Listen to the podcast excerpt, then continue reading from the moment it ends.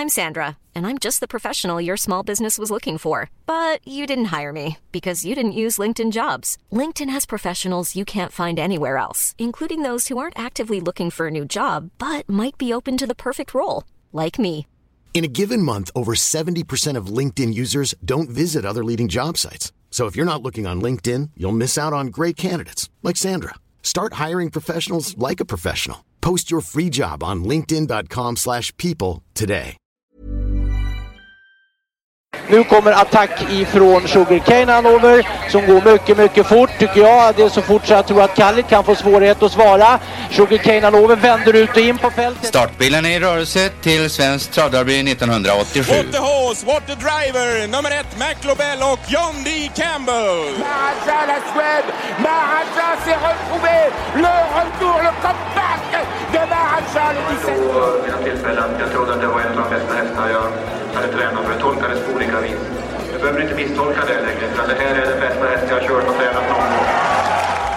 Det är väl så att när derbyhelgen är över så infinner sig hösten. Det tog två minuter tills de svarta molnen drog in på Jägersro eh, i söndags eftermiddag när derbyt hade avgjorts. Det är lite symptomatiskt för känslan efter en derbyhelg att nu är det höst. Även när du inte var där alltså? Ja, lite så faktiskt. Men äh, jäkla vilken härlig vinnare det blev alltså. Det måste man nog säga va? Ja, det var enormt imponerande. Dessutom utan några paket. Ja, inte ett enda.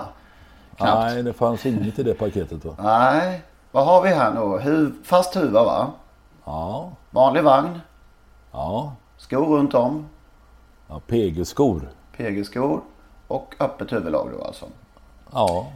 Det gick att vinna Svenskt travderby 2020 utan att eh, rycka alla de här växlarna det ständigt pratas om. Till och med Robert Berg eh, uttalade sig här igår sa jag det. Individen och hästen som ska märkas, inte utrustningen. Det kan jag tycka är både skönt och vackert. Uttalade han Ja. sig för Aftonbladet. Ja. Eh, ja, det är ju och på något vis skönt att vi fick en annan tränare som vinnare av ett storlopp. Eh, inget ont om Daniel Redén men det var ju lite uppfriskande att vi fick en ny seger här. Och vilken, vad lycklig han såg ut. Verkar inte så här genuint lycklig Robert Berg. Jag menar alltså Robert Berg, Robert Berg är ju eh, upp och ner, höga berg och djupa dalar. Och, eh, så att, det var ganska många år sedan han vann ett derby. Och det har varit mycket spekulationer innan. Oerhörd press på honom naturligtvis med de två, två av favoriterna i sin träning. Så att det, det, det var nog mycket som ramlade av hans tunna axlar den dagen. Och ägarna också här blev man ju lycklig av. De här ganska nya vad man förstår i, i gamet och... Eh, Ja, vilket härligt gäng och den här talesmannen som var med på tv-sändningen. Och, Ja, det, var, det var härligt att se. Igår hade de tydligen någon fest på Åby hela det här gänget med Bergs sköta personal och Berg. Och, Ja, Åby, Åby är säkert helt överväldigade också, överväldigade också över att få sin femte då derbyvinnare i historien. Och eh, det var en förbaskat fin derbyvinnare på precis alla sätt. men Börje Holmlund hävdar att det var en Sundsvallsvinnare. Såklart. Men det var en fantastisk vinnare. Eller vad säger du Stålberg? Har du vaknat? Ja, jag, jag lyssnar stum, stum här. Nej, men det var ju... Det är ju så här alltså, vi pratade ju om det innan. Vi hade ju också faktiskt en liten, en liten omröstning på, på Twitter där, där vi frågade vem som skulle träna vinnaren av, av derbyt, där vi ställde upp Berg, Båt och Redén samt övriga. Och vi hade väl hälften i alla fall som trodde på Berg och nu hade han ju många hästar med och det var ju just det där. Han fick med de här vinnarna och så väljer han Hail Mary och innerspår. Man fattar ju att, att Robert har tänkt länge, länge, länge på att det ska, det ska kunna gå att vinna derbyt med den här. Det, det, det var ju inga dåliga hästar han så att säga valde bort själv att köra utan innerspår med Hail Mary, bomba till spets med en häst som, vi, som ni sa precis fortfarande inte har den är ju liksom, den är ju så oprövad och ojusterad då vad gäller de här paketen eh, och vinner så lätt. Det, man förstår att Robert var väldigt, väldigt nöjd. Jag undrar hur han kände sig här när den gode Wimpal tryckte gasen i botten ett par gånger där. Då skulle man kanske Ja. vara lite små elak. Han höll ändå masken ganska bra efter loppet. Jo, det gjorde han. hade nog säkert... om han förlorat. Han hade nog brun, brun, brunnit om han hade fått stryk med en dess av någon annan där. Ja. Fått, galopp, fått galopp när han uh, skulle vrida ut och, och, ta över där liksom. Ja visst, ja visst. Nej, det, alltså, Nej men det var häftigt. Samtidigt man pratar om tävling, men hur känner sig den här Usain Tull efter en sån där, återigen en sån där galen körning alltså? Ja, det, det är där igen, det är bra. Återigen, är det, är det tävling? Det, det är det, Nej, det är att begreppet att tävla, det, det, kan aldrig vara att tävla, att köra på det där sättet. Det är ju det är som de här som ställer upp i, i maratonlopp och sånt, det ställer sig, lyckas komma längst fram det är, och sen drar iväg som fasen för att få vara först i bild i, i, i en 200 meter. Det är de här spurtprisen i Vasaloppet. Ja, de är ju liksom, de är ju som de är, men just, det, just detta med att, att det finns inget tävlingsmoment i att köra fort tidigt på det sättet som Vimpal gör här. Det, det, det kan jag aldrig köpa. Han var först i, vad är det, Mångsbodarna som är första. Ja, precis, och sen kom han ju till Mora när de hade släckt varenda lampa. Han, han var ju mål, var han 30 meter efter näst sista häst. Men... Eh... Däremot så eh, motsäger jag mig lite det här med att det var hårdkörning hela vägen. Det var ju många positionsbekym- ja. eller positionsförflyttningar. Eh, men eh, Per Lennartsson sa väl det bästa i en intervju efteråt att eh, Robert Berg fick bestämma tempot precis som han ville. Ja, så efter den här våldsamma öppningen så var det ju egentligen ingen körning. Att, att de förflytta sig några stycken där eh, fram mot ledaren betyder ju inte att, att det blir någon våldsam tempoökning så vitt jag begriper. Nej, verkligen eh, inte. Och de, de, de placerade sig där utvändigt för att vara i position när det skulle avgöras. Erik gick först och sen fick han andra utvändigt. Men det var ingen som tryckte på ledaren. Aldrig, faktiskt. Och det pratades om i sista kurvan att Örjan Kihlström hade ton i sin häst, sina linor. Men ja, det tror jag han... Det tonnet blev han blev lite färgblind. Färgblind Borg ja, det, Om det var någon som hade något att åka med 400 kvar så var det ju Berg. Man satt ju bara och väntade på att han skulle åka ifrån. Ja, sen, det var ju... Örjan luras ju som vanligt lite. Man vet ju aldrig hur mycket Örjan har kvar. Va? Ett ton eller ett dasspapper, det är liksom... Det är omöjligt att veta. Ja, faktiskt. Ja. men apropå, Nej, han lurade inte mig Apropå där. sköna ja. vinnare sådär som Heimer. Såg ni den här, så, var någon som såg Finnkampen? Eh, nej. Emil, nej, den har passerat Emil Miljan de la Olivia, eller något sånt där heter han. Från Eskilstuna, 19 Han sprang alltså på fredagen entimmeslopp i Berlin och var varvad tre gånger av Mofara. Men under slutvarvet följde han Mofara och applåderade denne och eh, fick då synas i bild med denne världslöpare. Men sen kom han ju hem och sprang 10 000 meter, eller hem, eh, Finland, Tammerfors var det väl, sprang 10 000 meter för Sverige två dagar senare. Och sprang och Lattja hela loppet, han gick ut några spår och sådär. Och, och eh, höll, såg till så svenskarna skulle ta en trippel och så sista varvet skenade han iväg som en galning och vann med 50-60 meter. Oj! Vilken lirare alltså. Ja. Att, Ja, jag hörde om honom också. Jag har fått det där eh, refererat. Jag har inte sett något av de här två loppen, men just det, jag hade två stycken som hörde av sig till mig och så såg du han som hängde på Mo Farah? Ja, det var så jäkla så det, läckert alltså.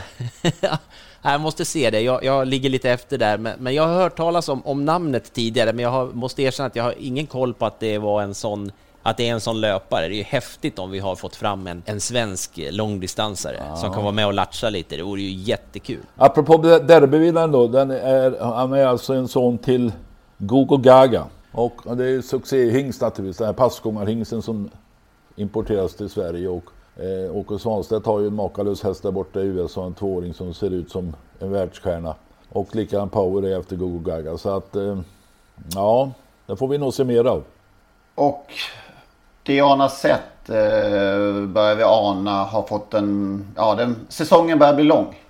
Ja, det är fullt förståeligt. fullt förståeligt. Titta, titta på Örjans ansiktsuttryck när han passerar mållinjen. Det ser ut som han har hållit andan i två kilometer och så pustar ut. Oj! Ah, det är så jäkla... Alltså Örjan visar nästan aldrig någonting i sina ansiktsuttryck. Men här var det väl, åh, är jag äntligen i mål? ja. Och först dessutom. Ja. ja, du tyckte det var målgalopp? Nej, det var ju... Ja, alltså ja, det där var ju... Oh, det här blir alltid så svårt. Det finns ju ingen riktigt bra bild. Jag tror inte ens att, att måldomarna hade en riktigt bra bild på, på hur det såg ut över linjen eftersom eh, det var häst på sidan där. Eh, nu vill jag inte ta ifrån henne segern, men det, för mig kändes det ju... Det blir, jag, jag tror jag twittrade om det, närmare målgaloppen sådär, utan att vara det kan det i alla fall inte bli. Eh, och som, som Lennart säger, det var ju fascinerande, man såg ju Örjan sista, åtminstone sista 300 genom sista svängen där, att han var ju ruggigt orolig alltså. Det var ju, alltså att han... Oj, oj, oj, vilka, vilka fingrar det var där. Och som sagt att han inte hade... han behövde luft när han passerade mållinjen där, för då hade han nog inte Just att han, kvar, inte, att han inte blir tvåa. Att, han, att hon inte blir tvåa liksom. Det, det, det är ju det fantastiska. Att hon ändå Ja. vinner. Ja. Jag trodde inte Örjan kunde bli orolig. Nej, nej, men det kanske behövs något sånt här då. Vi hade väl förmodligen kört, kört galopp 250 kvar eller någonting. Ja, Ja, förmodligen inte kommit till start ens. Men, men nej, det var, det var häftigt att se. Hon har ju alltså gjort, eh, det sa vi ju redan förra veckan där, men alltså snacka om att och ha gjort det hon ska hela vägen och, och utan då kanske du har förstått vad det går ut på riktigt. Men hon gör det ju bra då. Breeders Crown återstår. Ja, då får hon nog vila lite innan dess då, kan man tro. Faktiskt. Men vilken häst alltså, det är ju... eh, Är ju ja, den är flytande gången och bara... Det- nej, hon är häftig. Den, den som var tvåa var ju också oerhört bra. Alltså. Har ju Oh ja. på några månader förvandlats från, från ett fölstå till en topphäst på banan. Mm. De köptes väl som fölstå om jag har förstått det rätt. Eh, något annat eh, trivsamt under helgen som ni fångades av? Ja, wow, det var så. Ja, den här eh, Farlanderam i KG Bertmarks minne som bara svepte runt dem. Ja, just det. Den blev liksom lite borttappad. Kom från att ha varit jättefavorit på Valla och gjort bort sig och sen hamnade på spår 12 och blev helt glömd av... Ja, och gjort fantastiskt. Nästintill helt glömd. Fantastiska lopp eh, i V75 också som tvåa bakom bra, någon bra häst där. Och så. Ja, den, den tappade alla spelarna bort och så bara han rundade dem. Totalt överlägsen. Ja, det får man lugnt säga. Där eh, Björn Goops italienare återigen var helt under isen. Det börjar bli några stycken nu. Som, eh, Ja, vad händer? Vad händer? Man, man, ser, man ser ett litet mönster här tycker jag. Det är, vi har Vitruvio. Eh, om vi nu ska räkna då vid, vid Vice Ars också. Och sen eh, den här Uno Crusto Egnafa då. Och kanske också då räkna in Arden Vice Ars som blev en av söndagens mest uppmärksammade hästar. Som naturligtvis inte borde ha startat. Eh, nej, Alltså jag tror alla som satt och tittade på TV, alla kommentatorer, alla var överens om att den här hästen ska inte starta. Ja, den, den, den är inte helt klockren sa någon expert på TV. Nej, det, det kan man ju hålla med om då. Men hur fan fick hästen starta? ja, det är vilken... Vilka ska man skjuta mest på här? Det undrar man. Det finns Ja, det- ju... Ja, Alla. banvet, banveterinären gjorde inte sitt jobb. Och varför? Svara nu på denna fråga mina vänner. Varför var Björn Goop så oerhört angelägen om att starta en häst i det skicket? Istället Ja, det- för att, det går inte- det går istället för att att- säga till veterinären att vi står över idag. Det går inte att ta in den uh, variabeln Han- ens. Alltså det är så kör- obegripligt så att det... Han kör varje dag i princip. Han kör världsstjärnor. Han vinner V75, han vinner storlopp. Varför var han så angelägen om att starta denna gång? To- 12 timmar senare, eller 24 blir det kanske, så skulle han ju köra lopp på Mantorp igen. Liksom. Han kör hela tiden! Ja. Och är då så förbaskat nog angelägen eller viktigt att starta en häst som, som alla såg var halt och som naturligtvis Björn Goop innerst inne visste att det här funkar inte. Nej, men han, han kändes som vanligt. Han kändes precis som han har gjort inför de andra loppen. Och har, Han var svettigare, men det kunde också bero på att det var lite varmare. Alltså, man- vi har ju faktiskt ett klipp här som vi kan eh, återgå till hur eh, diskussionen gick här i söndags. Favoriten hade inte sin bästa dag eh, som alla såg. Eh, vad säger du direkt efter loppet, Björn? Ja, men jag är besviken. Han löpte inte upp till vad han, vad han förväntade sig att göra. Så det är klart att jag är också besviken och lite brydd över det. För att, eh, han har ju varit bra i två lopp tidigare, men han kommer från Italien och var eh, ett problem. De inte fick honom att prestera jämnt och på något sätt och vis. Han gjorde bra första två loppen, men nu så idag var det en, en dålig prestation. Mm. Så är det. Hur tyckte du han kändes innan loppet? Precis som inför de andra två loppen. Att, eh, enda jag reagerade på att jag tyckte han svettades lite mer. Eh, det reagerade på värmningen, men det är också lite, lite varmare idag. Men eh, nej, ingen riktig förklaring till varför, men vi självklart gör vi en kontroll. Det måste man göra just nu. Mm. Så att det Ihop stör. med banveterinären där Ja, det gjorde vi också. Det, hästen, men hästen var, han var inte sig lik. Mm. Säger ni? Nej, men det var han ju inte, så det är bara hem och kolla upp. Ja, nej, men absolut. Det var in, inte oväntat att det gick som det gick. Men, men eh, Björn Goop tyckte att han kände som tidigare. Före loppet. Och då? Ja, det, det, det är svårt att säga, men, men det är aldrig fel att stanna hemma heller. Eh, Ska vi bara klargöra här. eh, Alltså, banveterinären arbetar ju för Jordbruksverket, hästarnas vän och kontrollant på plats. Eh, hur är det som kusk eller tränare? Vem får stryka hästen? Ja, du får göra det som kusk också. Så det står var och en fritt ja, beroende på hur absolut. hästen Hade Björn känns? känt att det här kommer inte gå, han är inte i form, eller form, inte i det status för att tävla, då hade han kunnat åka av banan också. Eh, Vi får se. Eh, Vi ska kolla eh, resultatlistan sen på travsport.se om det blir något startförbud eller liknande för Arden Wise Ass. Eh, Banveterinären kan ju dela ut ett sånt. I- ingen speciell hårda ord i studion heller. Nej, det där var ju, det var ju otroligt märkligt. Det är ju, och det hör ju alla här. Det, det är otroligt mjukt. Det blir till och med tyst i studion. tassas. De, de, ja, de, det är som att de vet att, att de vill säga mer, men de känner att just i det här fallet kan vi inte göra det. Det är ju sällan det blir tyst i den där studion. De är tre stycken, men ingen vågar riktigt säga något innan man säger att Ja, Som, som, som Micke Nybrink säger det, att man kan ju låta bli att starta, säger han lite försiktigt. Och vi vet ju att Micke Nybrink kan vara fruktansvärt mycket vassare. Ja, och han brukar inte ta, häns- han brukar inte ta hänsyn till vad de heter. Utan har han bestämt, har han en uppfattning, en åsikt så framför han ju den. De andra är ju i det avseendet lite mesigare måste man ju säga. Men det hade ju inte, det hade ju inte hjälpt vad de hade tyckt eh, Björn Goop hade startat sin häst. Det jag skulle vilja höra den konversationen mellan banveterinären och Björn Goop, det har varit intressant. Mm. Han säger väl samma sak där, att han känner precis som han brukar. Men man, respekt, en respektlöshet mot hästen och en respektlöshet mot spelarna. Det var en stor favorit. Det var inte vilken häst som helst. Nej, det här blir, det här blir inte... Det här blir ju som givetvis inte bra alls för sporten. Det här, alltså, man står i, man, till och med i tv-sändningen, man står och säger innan att, det, att hästen inte ser bra ut som du sa Lennart där och sen sitter folk och ser det här och, och sen startar hästen och är precis usel. Och efteråt så blir det liksom lite sådär småsnack. Eh, och dessutom fick vi ju inte se, vi fick ju inte se hela den intervju som Matteus Liljeborg gjorde, försökte göra med Björn Goop, utan eh, den blev ju lite avsnäppt jämfört med vad man fick se i ATG Live, där, där Matteus gör sitt jobb och försöker i alla fall få Björn att svara på, på, en, en, på, på en rak fråga kring, kring det här, och det blir, det blev ju liksom varken hackat eller malet. Jag såg eh, redaktörens eh, Andreas Wikingssons förklaring här efteråt. Att det var hans beslut. Det togs enbart på grund av tidsbrist. Vi kom tillbaka från re- reklam sent på grund av längre hemtagning med segersynk.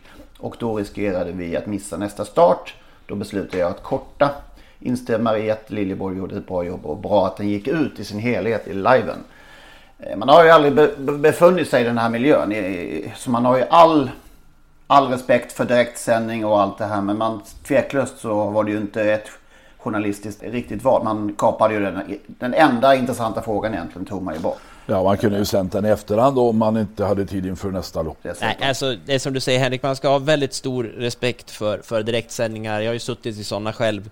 Det, det ska ta snabba beslut och jag, jag förstår, alltså principiellt köper jag redaktörens svar. Eh, sen, precis som Lennart säger, det fanns tid att visa senare och man återkom ju, det ska vi säga, man återkom ju inför tror jag V75 4 med i, i studion att prata om att det hade blivit, att han hade fått startförbud, hästen. Och så berörde man det här lite till och då blev man aningen vassare i i sina åsikter om, om det här med att hästen hade startat också. Ja. Så att på Ja, något sätt så, så hade man fått signaler att, att vi, behöver, vi behöver skruva upp lite på plattan här ändå, för nu var det väldigt ljummet det Ja, första det var ju enkelt att, att, att vara lite mer kritisk till hästen att få startförbud och dessutom måste ett veterinärintyg visas upp eh, innan han startar nästa.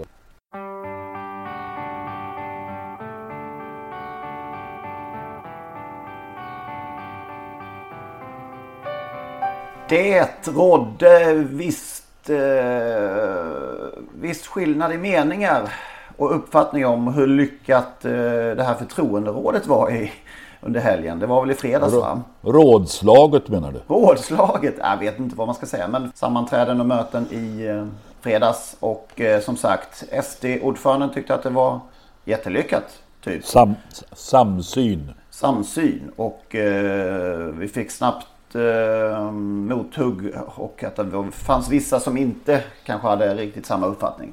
Till exempel Anders Holmgren, den nya ordföranden på Solvalla.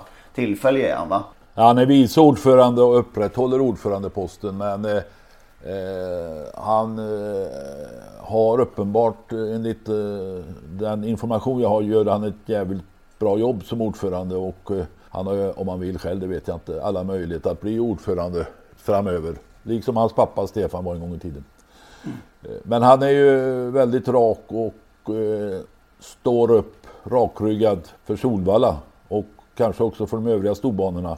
Även eh, Åby har ju talat om att vi, kan, vi var nog inte på samma möte som SD-ordföranden, eftersom hon uttryckte sig på det viset. Eh, stor, alltså det känns ju nästan, det blir lite Bagdad-Bob över det här nu. Alla vet, eller de som var där, hur, eller man uppfattar det på olika sätt men eh, man vet ju nu att, att eh, officiella versionen kanske inte stämde upp överens med verkligheten. STs officiella version. Som då är att? Att banorna är överens och nu går vi vidare som om ja. ingenting hade hänt.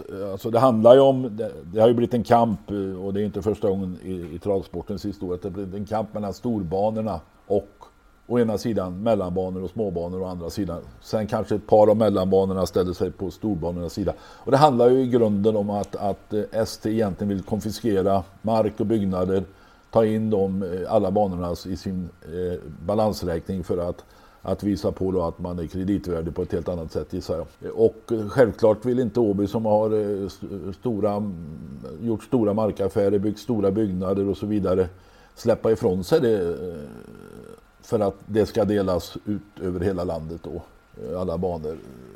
Så att... Vad ska de då ha den här kreditvärdigheten till? Att låna pengar gissar jag. Ja, till vad? Ja, till verksamheten. Där man, Prisme prismedel? Alltså, i, I grunden ligger väl det här löftena om pokalåret och, och Nager för att det blev väl bara tomma löften egentligen. Va? Det blev ju inte alltså, alls så riktigt. Ju, man, får, man, får, ju, jag vet inte hur man ska ut, man får utslag på varenda, exakt varenda punkt på hela kroppen när man tänker på det här jävla pokalåret. Ja, man byter färg känns det som. Ja, nej, alltså, om man, Bagdad Bob där, man undrar ju lite grann om, när man, nu när man, om man ska skriva någon slags lite längre historia om det här, eh, hela den här förändringen som pågår, men om, om inte Bagdad Bob efter sitt bejublade, eller vad det nu var, framträdande där i, i TV i Irak där, om han flyttade till Sverige och hamnade i den här travsportsdammen. Därför att det här eviga förnekandet av travsporten, alltså, eller så här, viljan att se det som faktiskt pågår och har pågått under lång, väldigt lång tid. Den har ju, det har varit en ovilja ju från alla. Det här är ju en jättesvår fråga eh, riktigt att, att sätta sig in i, för den är naturligtvis väldigt komplex. Men utifrån sett så fattar jag ju verkligen inte hur, hur man har... Alltså, travsporten har ju varit i kris länge, men man har inte velat prata om det. Man vill, inte, man vill egentligen inte förändra någonting. Och det gäller ju... Jag ska inte säga att det gäller alla, för det finns naturligtvis enskilda personer som driver på och så finns det de som absolut inte driver på. Och det, det ser vi väl än idag då. Men alla de här flosklerna som, som hela tiden bara regnar. Att, som, jag säger, Marianas eh, genmäle eller vad det var i travronden där hon förklarar varför man behöver det här rådslaget. Då kommer en sån här retoriskt fiffig formulering. Vi ville också genomlysa om vår organisation från 1925 är stark och relevant nog. Nu vill man på något sätt alltid prata om, om eh, och lyfta in sådana här att, saker att nu är det dags att förändra. Men hon har ju suttit med här och, och drivit på grejer som absolut inte är, är någon förändring. Alltså, ja, förändring har det ju varit, men inte för att det ska bli något bättre. Ingenting får mig mer provocerad än, än en sån här, eh, ett, ett sånt här stycke. Travet befinner sig dessutom, trots sin starka sportsliga position och alla andra positiva värden, i en farlig återvändsgränd. Vi står idag med många omoderna anläggningar, vikande publiksiffror, svårighet att locka nya till sporten, många kurvor som pekar åt fel håll. Det handlar om travets överlevnad på lång sikt. Ni har ju valt väg. Ni, har, ni valde väg. Eh, så kom inte dragandes med mer om det här med att ta, ta oss ur eh, publikbekymren och omoderna mariner. Det är ju ni som har valt väg. Ni ska, ni ska, ni ska aldrig mer ta upp det här. Liksom. Ja, och sen, jag, jag, jag ska återkomma till, till, till Marianas, eh, den här texten i, i ronden där, alltså, där, där hon då berättar att inför 2019, när man skulle omreglera spelmarknaden, då initierade styrelsen en utredning. Alltså vi pratar inför 2019. Då pratar man om, därför att man ska titta då och se om organisationen är relevant nog för att hantera ett nytt samhälle, ny samhällsanda, livsstils och beteendeförändringar och urbanisering. Ursäkta mig. Nej, det här var... Hur ska jag... Ja. ja, jag tar inte åt mig cred, credden åt detta lilla stand-up-nummer utan det är alltså Mariana som har skrivit manus här. Så jag föreslår att du åker äh, runt på, på krogarna nu Magnus och, och, och drar det här. eh, anmärkningsvärt i det här är också att Ulf Lundell, alltså en av de största ledarna vi haft i... Eh, Claes Lundell. Claes Lundell, ja. Vad sa jag? Ulf. Ulf. Ja, det hade varit bättre. det hade varit roligare. Det hade varit roligare. Claes Lundell. Eh, vice ordförande i SD många år, ordförande på Jägersro. Alltså, det var nästan ett karaktärsmord i hans insändare i, i Sulkesport förra veckan där han tog heder och ära nästan av Mariana. Eh, det visar ändå hur infekterat läget är. Alltså det är ju sällan man ser en före detta ordförande eller före detta vice ordförande kritiserar sina efterträdare så enormt som han gjorde. En annan sak. Röstsystemet är tydligen förändrat i, förtron, eller i fullmäktige, Svensk Travsports fullmäktige. Nu har man röst, banorna har röster efter antal tävlingsdagar. Efter antal, eh, efter antal totolopp är det i, om man ska... Ja, ja eh, totolopp. Men det är ja, samma sak det, ungefär. Det är i princip samma sak. Ja. Och då, då, innebär det att har du då 30 tävlingsdagar så har du 300 röster i princip då eller ja, säger 300 totolopp då. Och då har man omfördelat dessa röster genom att hänvisa till några parametrar som, ingen, som inte jag vet om vad, vad det handlar om. Alltså Åby, Jägersro blev av med fem tävlingsdagar var, eh, även om det är totolopp då. Säg att det är 50 röster och Solvalla 30. Så i princip tog man från storbanorna 130 röster och gav till några mellanbanor och småbanor. Detta är ju Nordkorea. Man sitter på ST och bestämmer vilka som ska ha röster. Vart vill du komma med det, detta? Att... Ja, alltså de ser ju vilka som de har med sig. Mm. Och då kan man fördela om rösterna så att det räcker i slutändan för att få tillräckligt många röster. Man blir ju, man låter oerhört gnällig, kritisk och sådär, men, men eh, förhoppningsvis minns några att, att eh, vi tre på olika håll mer än en gång har påtalat genom åren saker som inte känns bra, där man tycker att, att här går vi i fel riktning. Men har bemötts då många gånger med att vara gnällig och inte vilja prova nya saker och allt vad det är. Ehm, så att eh, det är lätt att man blir att sitta med någon sån här bitterhatt på sig, det är ju inte meningen, men man blir ju, man blir ju trött då när det återigen kommer formuleringar. Och nu Lennart kommer då akt två i detta stand-up-nummer, för nu har Mariana skrivit lite mer. Det är nämligen så här att kunden är kung och får hundratals erbjudanden att välja mellan från morgon till kväll, varje dag, året runt. I denna hårda konkurrens måste vi leverera högsta kvalitet i allt vi företar oss. Travets organisationer måste helt enkelt jobba på ett nytt sätt tillsammans. Och det är en fantastiskt skarp analys, men den är ju tio år för sen, minst. Det är inte så att det precis har blivit nya livsstilsmönster. iPhone kom för drygt tio år sedan. Man borde ha gjort den analysen kanske två år in på, på iPhones livstid och förstått att oj, titta, samhället förändras. ST och det här, alltså stoppa upp det, bromsa, ta paus ifrån det här, tycker jag. Men nästa, nästa händelse som vi väntar på, Propulsion. Just det. Hur kommer det reageras då? Oavsett den domen, eh, vad utredningen kommer fram till. Herre jävlar. Mm.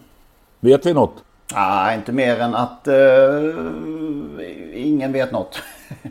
är, jag tror inte stall Daniel Redén har fått någon uh, vink åt något håll och uh, de har fortfarande inte pratat med Daniel Redén sen sedan eh, händelsen. Sedan Elitloppet har ingen på häst hört av sig. Förutom utredarna då men, men ingen, ingen annan. Det tycker jag är lite konstigt. Eh, Men det säljs hästar efter Propulsion för 3 miljoner. Ja jäklar. Ja, Lennart. Ågren. Lennart Ågren vet kanske något. Ja just det. Nej, de, S, SD har väl lovat att oavsett vad man kommer fram till så är de avkommor som är födda och som är tillverkade, som är på väg att födas. Det ingår väl kanske i själva prisbilden att det är ex exklusivitet här. Ja, så kan det vara. Men vad händer när en propulsion-avkomma vinner kriteriet?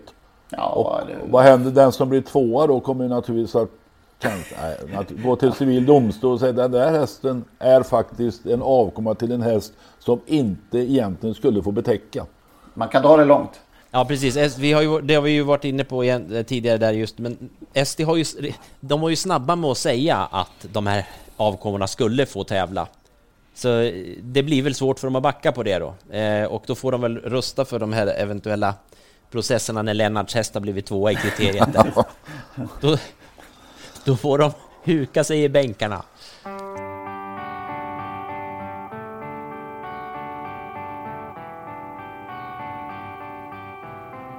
var ju inne på eh, fina namn i förra veckan. Eh, namn som vi gillar. Inga kennelnamn. Härliga, profilstarka. Och, Charmiga, eh, glada, charmiga. Ja. lätt, lätt att uttala. Och som, Och en eh, häst med härligt namn som också har en schysst historia. Är ju en viss eh, vinnare av EJs guldsko. Två gånger på 70-talet va? ja, och EJs guldskor är alltså uppkallat efter Ernst Johan Nordin väl? Papp, jag ska säga Ernst Johan Nordin, pappa till Gunnar Sören och Gösta Nordin då. Och eh, farfar till Ulf Nordin och Jan Nordin. Men Ulf Nordin nämner jag här för han fyllde 70 år igår och då säger vi ett samstämmigt grattis. Det gör vi. Grattis. Jo, han vann faktiskt EJs guldsko som nu körs på, på lördag. Då. Eh, två gånger 74 med Åke Sundberg som var hans mästerkusk. 75 Ove Gärström, ägaren, tränaren. Alltså, eh, Månes broder eh, döptes till Peter Lepp. Han var efter Lepp Hannover. Men bytte senare namn till, till Månes broder. I vilket skede vet jag inte. Tränades på Jägersro från början av Anselm Mattsson. Senare Leif Löfgren. Han var också en sväng hos Sören Nordin. Men Sören dömde nog ut hästen. Framförallt undrar man ju varför de dö- döpte om honom till Månets broder. Ja, det är säkert någon som vet. Stall 40, gammalt eh, andelsstall på Jägersro, ägde hästen under en period. Någon där lever väl fortfarande gissar jag. Eh, samma dag som Dart Hannover vann Elitloppet 1972 så bjöd Ove Gärström 18 000 kronor för Månens broder. Hästen var då nio år och Ove fick hästen. Ove var en, en charmig, en hårding från Storvik. Det väl, ligger väl utanför Gävle. Jag var på en resa med honom i USA i Florida en gång i tiden. Det var en ytterst trivsam person. Eh, i, han sprang väl in 700 000 drygt. 770 000 vann 113 lopp, Månes broder. Och från nio år och framåt alltså. Så eh, sprang han in 600 000 i Gärströms ägo då. Eh, ett år vann han faktiskt som 11-åring Juliloppet, Årjängs stora, Hugo Åbergs Memorial och Gävles stora pris. Ni hör själva, 11 år gammal. Ja, det är otroligt alltså. Vilken Van, story. vanlig Forsby-sulky. Jag vet inte om han gick barfota faktiskt. Men eh, alltså det är en, en av de sötaste, vackraste historier i svensk travsport. Ja, det får man säga. Varför har han inget minneslopp målet- någonstans? Nej, jag tror, alltså, nej, jag tror faktiskt inte det. Gävle. Mattias Gustafsson. Gävle. Ja, fixa. Ja, vi, Målets broder, ska vi säga något om Målets broder så, så jag är ingen expert på Fänrik Ståls sägner, men det är därifrån det kommer i alla fall. Mm. Där ja. Jag trodde det var en indianhövding. Vad var det för typ, eh, Helena, du som har sett honom möjligen? Ja, vad var det för typ? Det var en slitstark... Eh, eh, naturligtvis 323 starter och sånt där va? Mm. Startsnabb, stark, han hade allt alltså. Som, som Var jag det- sa, Åke Sundberg var väl eh, den som körde honom mest. Ove körde mycket själv men även Lasse Axelsson, Gävletränaren och han var också tränare för Stall i Påby Åby en period körde och Olle Goop var några storlopp med han. Så att eh, han var ju runt överallt den där hästen. Och han hade det lite Peter Lepp, eller Leppanhofer eh, huvudet där med vit bläs och sådär va. Vacker häst. var Mm. Ja, men då är vi inne kanske på eh, de här namnen igen. Eh, Målens broder. Förra veckan var vi inne på Klosterflamman, Riktigt Riktigt Tavi, Björn och allt vad det var. Eh, Så då föddes en liten tanke här. Att vi kanske skulle ta oss igenom alfabetet i ordning och eh, sukta efter härliga namn på varje bokstav. Ja, och, och vi har tänkt att börja med A och B idag då naturligtvis. Vad har vi? Får jag säga en sak till om Månes broder? Han vann många lagerkransar men han vägrade att krypa i dem. Som eh, Hail Mary i eh, söndags. Exakt. A, A och B. Vi börjar på A. Det låter rimligt va? Mm, det gör vi. Mm, varsågod. Ja, jag gillar ju Avenir. Stig och Johanssons eh, härliga häst på 90-talet. Avenir. Avenir. Det låter fint faktiskt. Vad kan du kontra med? Ja, ja, ja vad kan jag... Adept. Kurre Mattsson, Veda stuteri, vann Kungapokalen, Walter Lundbergs SM, två gånger Silverhästen. Var VM-deltagare. Två i Elitloppet efter Krakowice 61 och två efter Osso, den fantastiska Osso 1963. Lämnade faktiskt som Avsings derbyvinnare Najo. Falun, vad kontrar vi med? Ja, ja, det, det här var ju... Här vill man ju försöka att, att komma på namn ur huvudet och inte vara in och, fuska lite grann. Och då, det, det enda namnet som, det, som poppade upp och som jag faktiskt... Jag har inga minnen av hästen annat än att den inte på något sätt var dålig, men det är abborren. Ja, just det. Ja, Minns ni ja. abborren? Ja, jävla minnen av hästen har jag såklart, men inte så jag har ingen en relation, men jag bara minns just namn man pratade om. Det, det, abborre. Han, han sprang i alla fall, var, då fick jag fuska lite och titta, men han sprang i alla fall in 1,3 Jag tänkte precis miljoner. säga det. Nog tjänar han en miljon och det gjorde han då alltså. Ja, startade så sent som 2016 och, och, och provade lite Monté också. Eh, står faktiskt att den är tillfälligt i Nederländerna för avel, så det kanske kommer några yngel efter Ja, den då. det. Eh, jag tyckte också det var svårt på A. Eh, men eh, om vi ska ha något engelskt här och även i två, två del, tvådelat namn. Al Joe tycker jag ändå, tycker jag ändå är... Ja, det var läckert. SM-vinnaren Elio, den lille kämpen efter Zetterberg som Bert Johansson länge försökte att köpa och Bert var envis. Han ringde och ringde och ringde. Till slut fick han köpa den. Jag tror det var P.O. Gustafsson, Jägersro-tränad bror Malte Gustafsson som ägde och hade fått upp häst. Stall Svartå. Ja, Al ligger bra i namnen. I, I munnen. Al Joe. Sen var jag faktiskt, eh, till skillnad då från Magnus, var jag inne och fuskade för eh, och kollade runt lite och hittade ett par stycken. Amarant. Fint. Fint. Men de kom aldrig, kom aldrig till kval ens. Jo, kval. Men in, ingen start. Men framför allt, det här är oslagbart. Det här ska min häst heta om, om eh, Eftersom den här hästen inte kom till start någon gång så eh, måste man kunna få Ja, det får man göra om det är 20 år gammal. Då kan man sno vilket namn som Min helst. häst ska heta Aftonbris. Aftonbris. Ja. Vad var den efter? Ja, det vet jag faktiskt inte. Nej, men, men ja, det är svårslaget. Ja, Aftonbris är vackert. Får jag lägga till någon häst här då? i- Ja. På A. Amigo.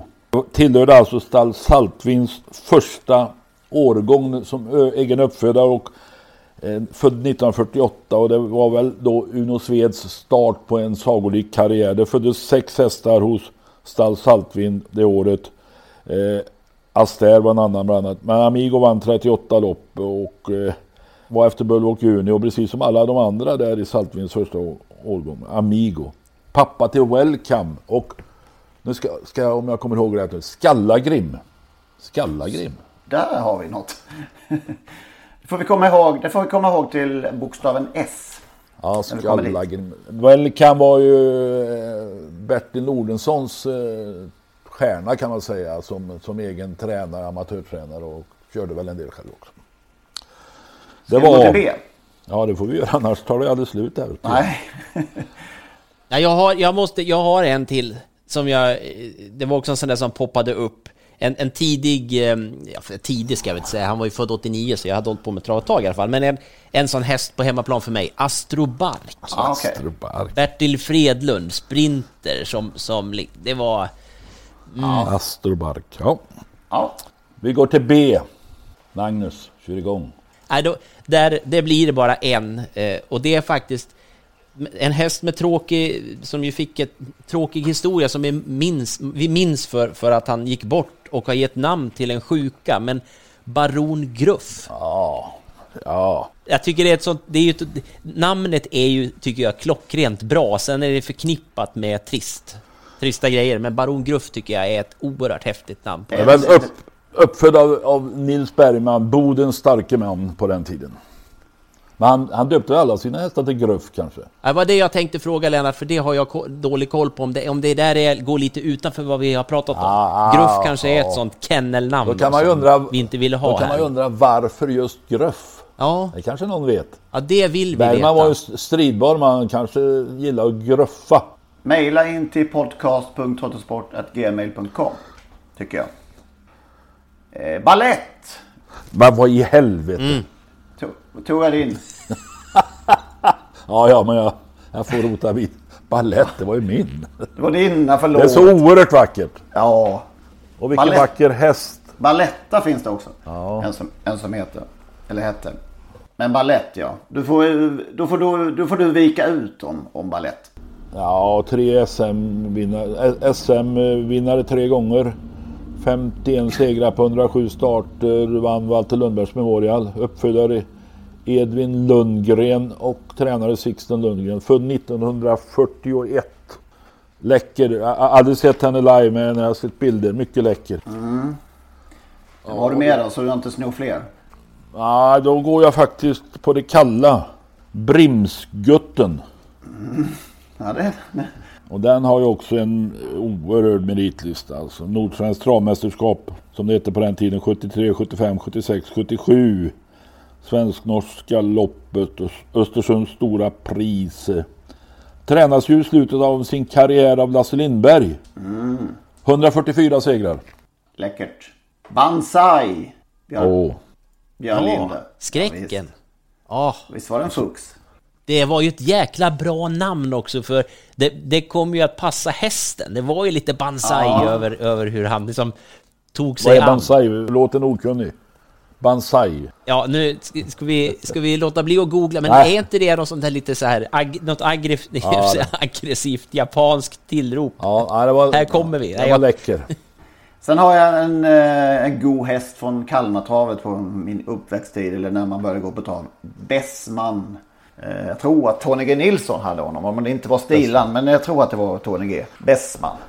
Ja. Ett italienskt måste jag ha också. Banjo. Banjo. Banjo. Vad vet du vad det är? Banjo är ett instrument. Nej, det är badrum på italienska. Ja, men det är ett instrument också. För oss som inte är så italienska som, som Henrik Precis. så är det, Kan är det Om ett ni, är på, instrument. om ni är på restaurang så ska ni säga scusa dove il bagno. Ja. Kan ni ursäkta mig? Kan ni hålla upp lite? Nu ska jag gå på banjo. Wait, inte det här excuse me toilet please. Utan uh, Ja. dove, dove il bagno. Bra, bra. Banjo. Ja, jag, f- får jag ta, nu vill jag ta en på B. Ja. En häst som absolut aldrig får bli bortglömd, för det tycker jag är ett, ett av mina absoluta favoritnamn. Bordbäckspolle. Ja. Ja. ja. Stig Stig Lindmark, Lindmark. kallblod. Vilken rolig häst. Jag och Lennart pratade om en häst innan vi tryckte på räck här. Eh, Barock.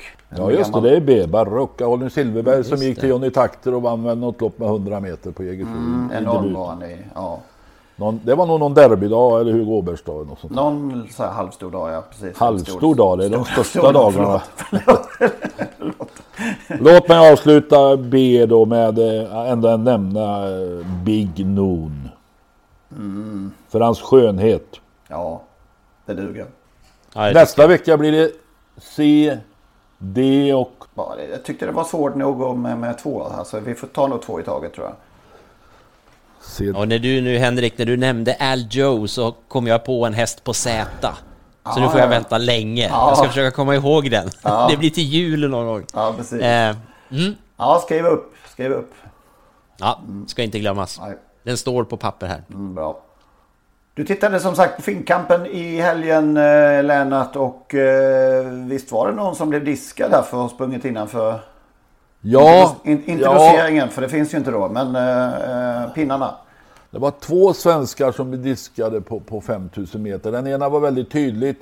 Han snubblade och tog flera steg innanför eh, den här lilla sargen. Och den andra, det var väl vinnaren, visade sig efteråt att han hade gjort något litet snedsteg och det räckte uppenbart för att bli diskad. Eh, där är man då uppenbart lite hårdare än i travsporten där det är mer regel än undantag att ledarhästen kör eh, innanför pinnarna, speciellt i slutkurvan. Ja, den, man har ju också, det, det är ju intressant det därför att, att eh, eh, friidrottsbanor, skulle jag nog säga generellt ändå, de har ju en liten ram som är ganska livsfarlig om man inte är van att ha gått på en friidrottsbana. Så jag har jag sagt sett, sett en person stuka foten illa inför ett sånt här motionslopp. Hon en, var en, en kvinna som inte såg den där kanten. Alltså det gör ont att trampa på den, så man håller sig undan från den. Travsporten i Sverige hade ju åtminstone på, på Solvalla, kommer jag ihåg, i, i början på 80-talet Ja, hade man ju något som, som Stig H kallade tvättbrädan. Ja, okej. Som Nej, man det inte var ju- gillade riktigt. Det var ju en vall liksom, en vall med... det var en sarg. den var ganska bred. Ja. Spi- ja, det var ju stora sarr, alltså det var ju halvmeter höga. Ja, visst, Eh, visst. eh, Ja, det är ju staket ser vi ju fortfarande i galoppen. Där har man ju staket. Det skulle kanske inte funka lika bra i, i Jag kommer ihåg de här. VM-loppen på, eh, på Roswell till exempel. Det är jättehög sarg. och- ja. Finns, Det finns ju en eh, klassisk bild från Axvalla eh, där, eh, tror det var den enögde, eller blind på ett öga, Tropik. Med Kurt Lindblom, tror jag det var. Kom över sargen på något sätt alltså och välte där. Och det var, det var ju Och sen försvann ju de där sargerna. Naturligtvis på grund av olycksrisken. Olycksrisken med all rätt. Va? Och nu, nu, sen, Axvall hade man någon gummislang som drogs runt banan. Eh, och, eh, men nu är det pinnar, de vita pinnarna. Ja, Och ett säkerhetsspår på många banor. Så säkerhetsmässigt är det ju jättebra att det ser ut som det gör idag. Men, men man skulle ju kunna skruva åt lite hårdare kan man ju tycka och vara tuffare på det här med pinnarna ändå. Vi hade en vinnare där på Jägersro som vann eh, något lopp där. Jag vet inte vad hästen heter, men någon ljuse körde. Som då, Ja, Stranger in the Night som, som eh, vann i söndags Ja. där och där är det, det är hårt i mål, får ett litet försprång, det är ju omöjligt att räkna på, men spekulationerna kom ju igång direkt i, i sociala medier att just det där med att han mm, tillskansar sig vad det nu är, centimeter, decimeter. Vi hade ju Johnny Takter med här i, i podden för några veckor sedan. Och eh, det som inte kom med då så var jag frågade honom också om eh, Apropå kanske att han har genat någon gång. Han var känd för det. Den gode Johnny. Men han menar på att det, det har ingenting med att få något försprång att göra. Utan det är den här jävla doseringen som gör det liksom. Att, eh, som, som vi har pratat om nu i några veckor. Att, eh, ja, att de inte orkar med den där. Och, och, kan, vi, eh, kan vi vända på doseringen så att det är omöjligt att komma innanför pinnarna? Ja, just det. Ja, vi får leva vi- med det där tror jag. jag Ja, då är vi där igen med den här doseringen. Att den, den, det hade nog haft eh, färre geningar om doseringen hade varit lite lägre. Ja, så kan det vara. Ja, sen fattar man ju alltså i stridens hetta eh, att, att man, man ska se till att hålla sig på rätt sida de där pinnarna och man har en häst framför sig som väger nästan 500 kilo och hästar omkring och så vidare. Jag fattar att det inte är jätteenkelt. och just och kränger ner och... och Ja. Och det är som jag säger att ja, springer, du, springer du på en friidrottsbana så, så har man hela tiden koll på den där kanten, kan jag säga, utan att ha varit någon elitidrottare. Men jag har varit och provat för det är så spännande att springa på de där banorna. Men man är jäkligt noga med att inte komma för nära. För det blir inget bra. Då får man inte springa på länge. Så att det, det, det är ju... Att, mm, Man kan ju säga det är ju ingen stor sak att fixa heller kan man tycka. Det borde ju kunna gå att vara lite hårdare. Kan de vara det i USA så måste det väl gå att vara det i Sverige Ja, också. där är det ju två millimeter innanför en pinne så är man ju borta. Ja. I USA. Det var väl någon eh, diskning där eh, i något lopp i Europa någon gång. Ja, var det den här BBS Sugarlight som blev diskad i något lopp? Eller vann han på disk för att någon körde innanför Österrike eller sånt där. Jag kommer inte ihåg. Men eh, man halkar ner eller hur man nu ska bedöma. Men det finns ju säkert de som har satt i system. De vet att de tjänar på det. kanske. Och det är svårt när man har börjat släppa på det. Att, eh, vem- Ja, det är jättesvårt alltså. Ja. Var går gränsen? När ska vi diska? Nog skulle man kunna... Man brukar ju punkt, göra sådana här punktinsatser och säga att från och med nu ska vi titta hårdare på detta. Har man ju provat några gånger i alla fall med olika saker. Jag vet inte med, med vilket resultat. Men varför inte första januari 2021? Från och med nu. Det är kanske som eh, Henrik antyder och som Jonny säger att det är svårt. För att man, hästarna blir trötta och lutar ner och det är svårt att korrigera dem. Så det är, det är inte enkelt. Jag, vill ändå... Jag, ja, jag vill ändå påminna lite grann igen här vad Mariana skriver I denna hårda konkurrens måste vi leverera högsta kvalitet i allt vi företar oss. Ja men Ingvarsson, det var ditt favoritord, leverera. Jag blandar inte in mig i det igen här. Idag levererar vi en ny podd. Ja.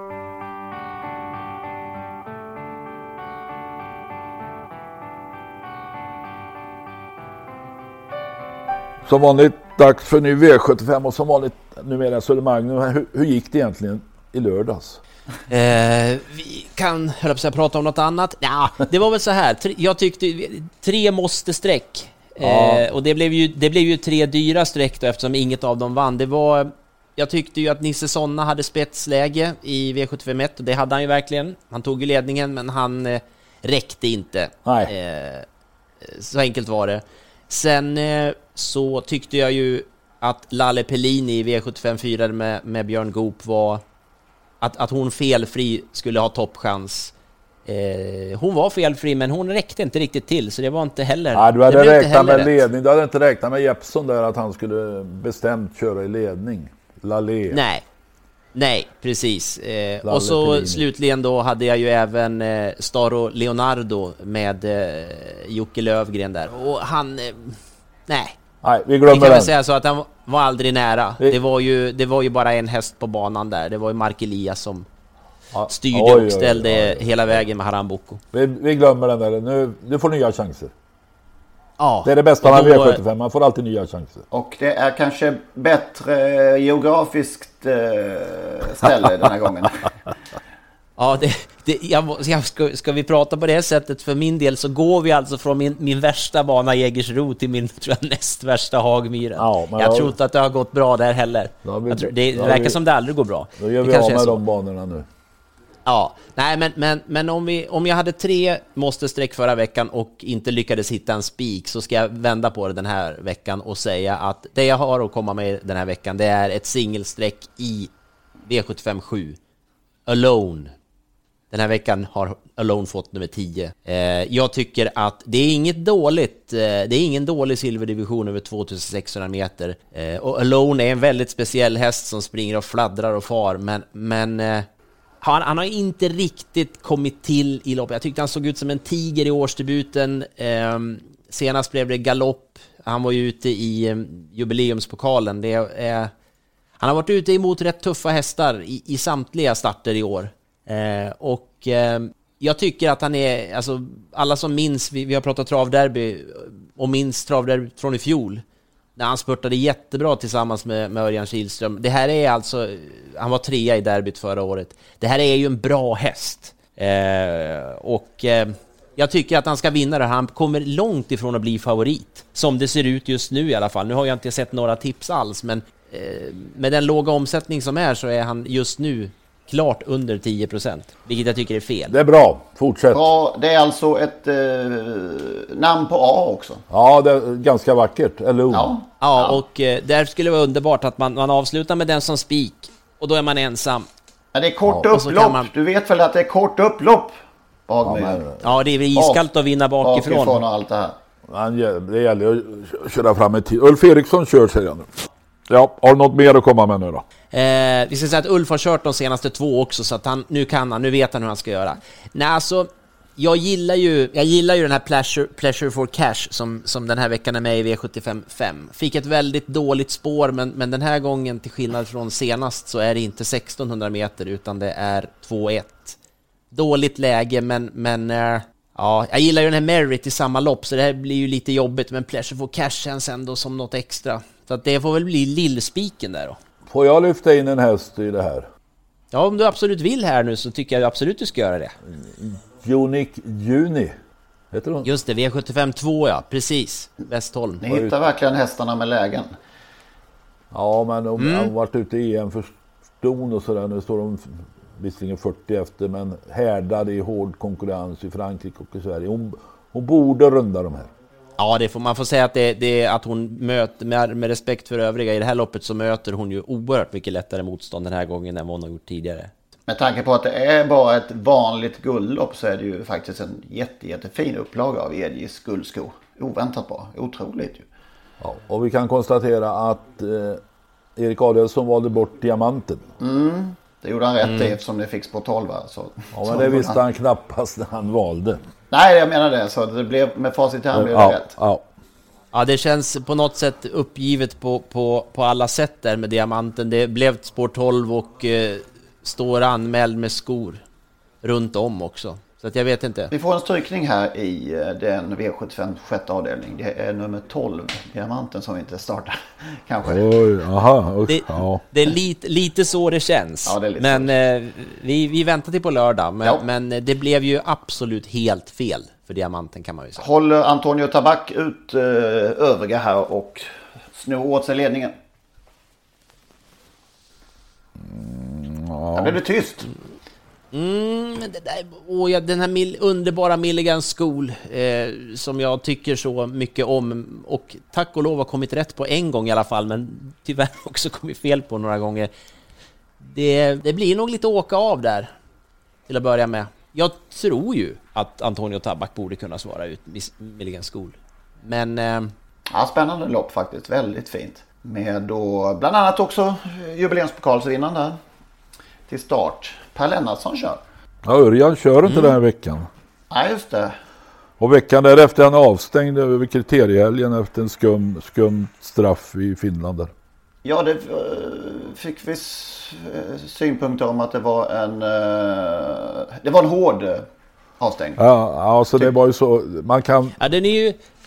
Nej, nej, jag tänkte på... Jag, det där, jag tyckte det var lite intressant. Jag, ska säga, jag har bara sett upploppet en gång. Men, men det, ser ju, det ser ju absolut ut som att, um, att eh, hon bry, double exposure byter spår. Sen hur mycket vet inte jag. Och det är ju en väldigt tät slutstrid och det ser man ju inte sällan. Vi har ju nämnt Stig och Johansson, han var rätt bra på det på Valla, att liksom bara lämna innerspåret lite grann i täta slutstrider så att det blev den där halva huvudet eller nosen i mål också. Det fanns förmildrande omst- en förmildrande omständighet i Finland. Det var jättedåligt väder, det var skitig bana. Jag pratade med Ja. Kalle Läderkorpi, han hade pratat med kuskar de sa det att den som såg bäst vann loppen. Man fick ta Ja, av sig men glasögonen sagt- under slutvarvet för att överhuvudtaget kunna se någonting. Och där kunde man, eh, sett mellan fingrarna, tycker jag då att, att eh, banan var den beskaffad. Man kan, inte, man, man kan ha lite överseende med, med det som hände och det, han hindrade ingen häst och så vidare. Eh, men kan du säga att de är fyrkantiga, går efter reglementet och, och eh, det finns inget... Eh, de kan inte ta till sig att det finns några förmildrande omständigheter där på Värmo. Det var annat på Valla då Stig blev aldrig avstängd. Nej, nej. Nej, det är ju generellt så. Jag läste- som jag säger, jag, jag har sett det en gång också och, och var det dessutom skitigt så jag, eh, tänker inte ha någon, jag lä- någon uppfattning. Jag läste vad Veijo Heiskanen sa, jag skäms att vara finne. Oj, det var så pass? Så pass. Och, och Kari säger helt utlöst på finsk travsport. Jag vill egentligen flytta alla mina hästar härifrån. Nu flyttade han Sobel Conway till, till eh, Jean- Jean-Michel Basir. Okej, då lär han vinna lopp. Ja. Ja. Det, gör, det gör de direkt för Basir alltså. Det gör de. Vinner med Och 50. Vä- väcker han nu den här Ferrarin från Norge till liv igen då, då ja. Han har ju redan väckt Chaco Sass. ja. Ordentligt. Han, ja. Vi packar ihop va? ja, det gör vi verkligen. Önskar, önskar en trevlig vecka. Ja, Eh, kriteriekval på fredag väl? Jag missar inte det för guds skull. Det har vi inte ens pratat om. Men det, ni får läsa startlistor och njuta av dem på fredag kväll. Konstig dag. Eh, Men eh, ja, så är det. Följ oss på Instagram, Twitter, Patreon. Gå in på patreon.com och stötta oss gärna där med en liten slant. Så blir vi glada. Och kom gärna med namn som ni gillar. Namn! A och B. Ja, Besiege glömde jag. Ja, det är för svårt att uttala. Min farsa skulle aldrig klarat det. Han hatade en, sånt här namn alltså. Han ville, Okej. han ville veta vad hästar Brunte och Pelle Ja. och vad det heter va? Inget, inget. Besiege. Nej. Vet du vem som importerade den förresten? Nej. Eller låg bakom den affären? Ragnar Thorngren. Okej. Såklart. Ja. Ha det gott! Hej, hej. Hej.